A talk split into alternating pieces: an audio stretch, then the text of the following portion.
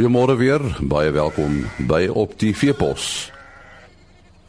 Ons uh, gesels nou met 'n uh, met Koos Lourens. Nou hy's 'n Santa Gertrudis stoetboer daar in die Kinros omgewing.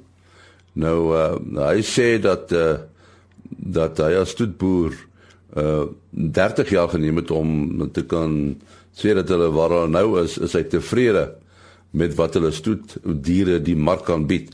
Wat presies bedoel jy as jy sê julle julle is tevrede met wat julle stoet kan bied? Man, ek bedoel dit is seker omtrent uh, eh, 20 jaar gelede. Interessant het ek uh, Australië toe gegaan nog meer, seker 30 jaar. En uh, ek het daar gekom en by meneer Alistair Bassingwhite gewees. En op sy plaas sien ek toe die dag hy het vreeslik baie koeie, hy het 800 teelkoeie gehad. En ons sien vreeslike mooi diere van kamp tot kamp. Ry ons 40 koeie met 'n bil, 40 koeie met 'n bil. En uh die uh, beeste daar kalf in die veld in die vlaktes, soos die Australië is rof. En dan kalf daar 'n kalf 'n mooi versie by die by die hek van die kamp en as jy die wegslaan hekke wat jy moet oopmaak. En ek klim uit en ek klim terug. Ek sê hom Alistair, jy moet net hierdie kalfie bisie dan gaan hy lewe. En dit is 'n vreeslike mooi vers. Die vers is mos mooi as hy gekalf het. En hy kyk so voor hom, hy sê vir my koos, she must wean a life calf. Hy het nie gesê sy moet kalf nie. Hy het gesê she must wean a life calf. En omdat ons minder beeste gehad het, was daai jare die eh, kommersiële stoet amper dieselfde gekos. En toe ek 'n klomp kommersiële beeste kon verkoop en 'n klomp stoet kon gekoop. Koeie by 2 of 3 teelers, hulle hele kuddes gekoop. En toe ons begin teel en toe kon ek ook sê omdat ek getalle gehad het.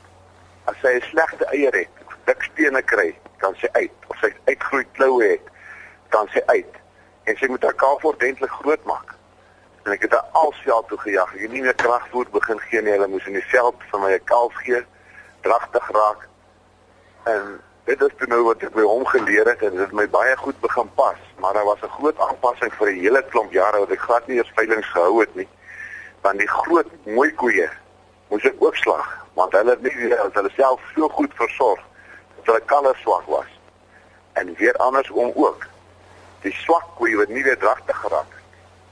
Het ook uh in hom gedek. So het ook gebly met die goue middelleweg wat al die mense altyd sê dis maar dit so is en hulle daar ook weer bewys. En toe ons nou fase D en fase C gedoen. En toe kom ek baie keer agter dat 'n bil wat byvoorbeeld 130 in die fase C klas uh indeks het wat nou abnormaal is en is 'n bil wat byvoorbeeld onder die 100 so by 90 is. Dat in die veld dan val hy bil met die 138 heeltemal weg. Hy het nie kon nog nie homself handhaaf in die veld nie terwyl hierdie bil wat nader aan die gemiddeld was het hom baie beter gehandhaaf. En uh dit het gemaak dat ek nadat begin sê nee, hierdie bulle, want ek verkoop ek ook bulle in die tropiese wêreld wat 'n baie harder wêreld is as hier by ons. En na jaar gaan kyk ek hoe lyk daai bulle en ek het so skaam gekry daai dag want ek het nog bietjie baie lek gegee en en en en kragvoer so stilletjies gegee in die winter en ek kom ek daar ek sien hy bulle het heeltemal uitmekaar geval. Dit kan nie so werk nie. Ek het ek ook ouens ander bulle gestuur en gesê hoor hierdie is net so sleg jy kan maar ook na jaar slag. Vandaar het ek die hekke tot vir die bulle oopgemaak en ek los hulle vandag tot hulle eerste maal wat hulle meel eet is as hulle voerkrale uh, as hulle voerkraal toe kom vir die voer van die veiling. Want 'n boer koop nie 'n maar wat bees is dit maar bees nie. So dan maak ons hulle reg vir die veiling maar deur hierdie 2 jaar as ons hulle doseer of iets met hulle doen dan uh, kyk ons wat het gehou wat het nie gehou nie. Ons kyk nie wie span nie ons kyk nie wie baan nie. Ons slag die bulle wat nie gehou het nie En die wat hou, kan jy maar met 'n veilige hartveiling toe vat want hy boer gaan jou bel. Die dag as jy by jou koop en sê, "O, ek het 'n mooi bil gekoop." Maar na werktyd, as die seisoen verby is, dan sê daai ou vir jou, "Hy het gehou of hy het nie gehou nie." En dis ons reël vandag.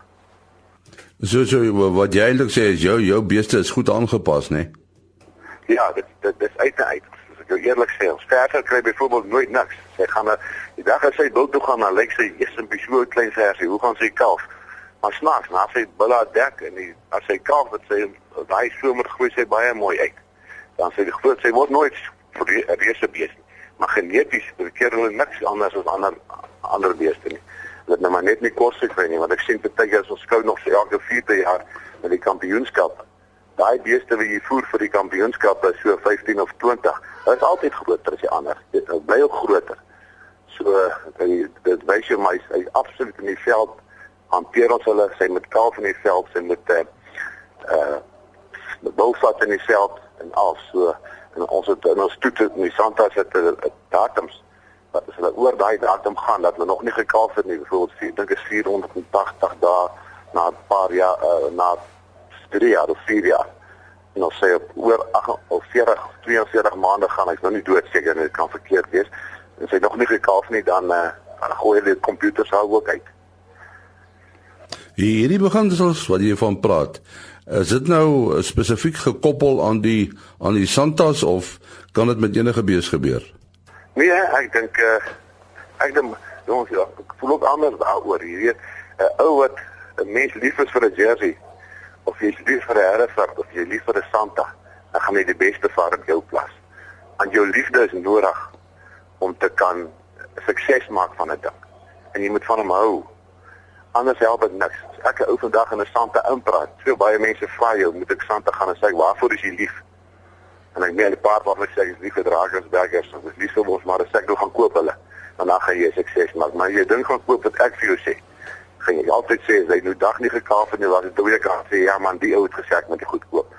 Maar as jy self daarvoor lief is, dis 'n heel ander saak. So enige ras, of jy te antwoord dink ek enige slag ras wat met liefde ge gehanteer word sal altyd 'n goeie bees wees. So jy jy jy's nou lief vir die Santas. Hoekom het jy die ras gekies? Ja, dit het jare gevat. Die Santas het baie jare gevat want dit ons mense het Amerika uitgevoer, ingevoer ons almal maar. En hulle geld daar met daai olieboere, jong, hulle daai beeste versorg en toe. Hulle hierdie harde Suid-Afrika veld en bosveld en Karoo veld en daar nie koue wêreld daar waar Sutherland die wêreld land het. Hulle maar aanpassing gehad. Seker. Ek dink ons het eers begin by sesse begin haal hier op hier op 30 30 jaar se gespook met die Santas om hulle daar te kry. Want baie van die Santa boere is vandag op 'n medium raam bees wat in hierdie wêreld aangepas is. Dit gaan baie goed deesdae uh, veral in die voerkraal doen ons ontsettend goed ons baie bly oor dit want uh, hy beeste het artikels in en en en dinge se hier plaas is daaroor en en julle gemiddelde speenkalf gewig wat is dit ek man interessant. Ek het 3 jaar terug, of net vir 3 jaar droogte hier gehad en vure. En 3 jaar terug het ek seker so ehm um, dink ek was so twee kraal, groot krale volgens ons lyk lewe na op standaard ton. Seker so 50 50 balletjies het ek ingejaag het. Dan ek het nou van die maas afgevat, nie kragvoer of goed gegee nie. En nou 285 geweg die 50 uh eh, kalvers. En uh so hulle daar geweg en die volgende jaar het ons 'n brand gehad, ons kon nie aangaan nie toe val die uh, gewig na 260. En nou sit ons in hierdie droogte op die oomblik dit nog ons nie gereën nie, ons het nie geplant nie. Dis nie veiding maar dis omtrent groot deel van Suid-Afrika is so en ek kan nie sien dat ons vir jare gaan vir jare swakker besetting hê. Ek dink ons het uh, van baie val in in uh, speenpresentasie en as ek dink ons as ons goed hierso by 220 230 gaan kom. Want ek sien sommer die kalvertjies in was 'n jaar baie kleiner want die koeie het net nie melk nie. So dit wissel maar, maar as ons 'n goeie normale groei jaar het, en ons verse so op 220 na 240 toe, ons billetjie speel so van 260 na 280. Nou, en koes uh, is is Santas 'n goeie uh plan vir vir kruisstelling. Ja, nee, ons kry baie koeie. Ons kry ook met baie koeie en dieselfde, daai kal is dieselfde. Die mense en ek moet eerlik sê en ek sê baie graag sê dit sê nie dit, dit kan ons bewys vir die veiling ons ehm um, stuur baie kalvers na die veiling toe. Meeste van ons kalvers eintlik al stuur ons na wyk van wyk lewende hawe toe. En ek sê is selle dat ons hoër pryse vir ander kalvers op daai dag gaan as as wat die santas gaan. En ek dink jy oor die voelkrale so 'n uh, uh, uh, mooi aanvraag het en selfs die kruiskalvers wat ons stuur. Ons is die huidige oomblik kry ons al baie soorte koeie. En ek kan nie altyd sê watter koei want ons begin al meer na rooi se kant toe gaan omdat ons almal mekaar speel. Maar die interessantheid wat wat ek ook vandag kan sê is dat die bloktoetse wat gewen is die laaste tyd deur die Santas byvoorbeeld laas jaar het hulle baie bloktoetse gewen hier in hierdie wêreld en uh, almal was sywe Santas. Interessant dat uh, hy suiwer Santa ook so goed uitslag. Gewoonlik 'n suiwer ras doen nie so goed soos die kruisras nie. Wat is jou toekomsplanne, eh, Koos? Ag, wat? Ek is nou my seun is eintlik die ou wat nou die wolfin is, Mani. En sy broer is François. Hy doen die saaiere en Mani doen die beeste.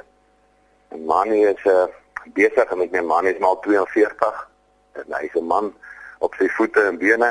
En hy ken van 'n beeste vandag. Hy het 'n oorleelaar vir alle rasse en alle goed. Hy's so baie lief vir beeste. Hy perde en vleismarine. So hy's eintlik vandag dink ek as ek eerlik moet wees, dink ek hy's 'n beter weesbroer as ek ooit in my lewe was. Ja, maar daar's 'n nuwe tegnologie, 'n nuwe kennis, né? Nee?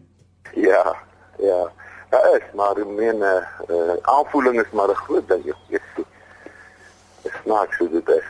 Jy moet kyk so jy gaan koop 'n bou vir 'n helfte klomp geld. En jy koop hom meestal op aanvoeling, want jy eintlik weet jy nie veel van hierdie jong bou af nie. En aanvoeling is nogal 'n ding. En nog 'n ding wat wat baie help as toe, jy moet maar jou knie gebruik het boontoe vra help. Dan sê ons sê baie dankie aan Koos Lourens. Hy's 'n Santa Gertrude stoetboer daar in die Kinross omgewing. Ons het so een veiling berig en dit is die Stark Scar boerdery veiling van MH5 Farming. En dit vind plaas op die 25ste November by Delmas. Uh 1200 SA vleismerinos word opgeveil deur BKB Louet. 1085. Môreoggend om 4 voor 5 is ons terug. Tot dan alles van die beste. Ah.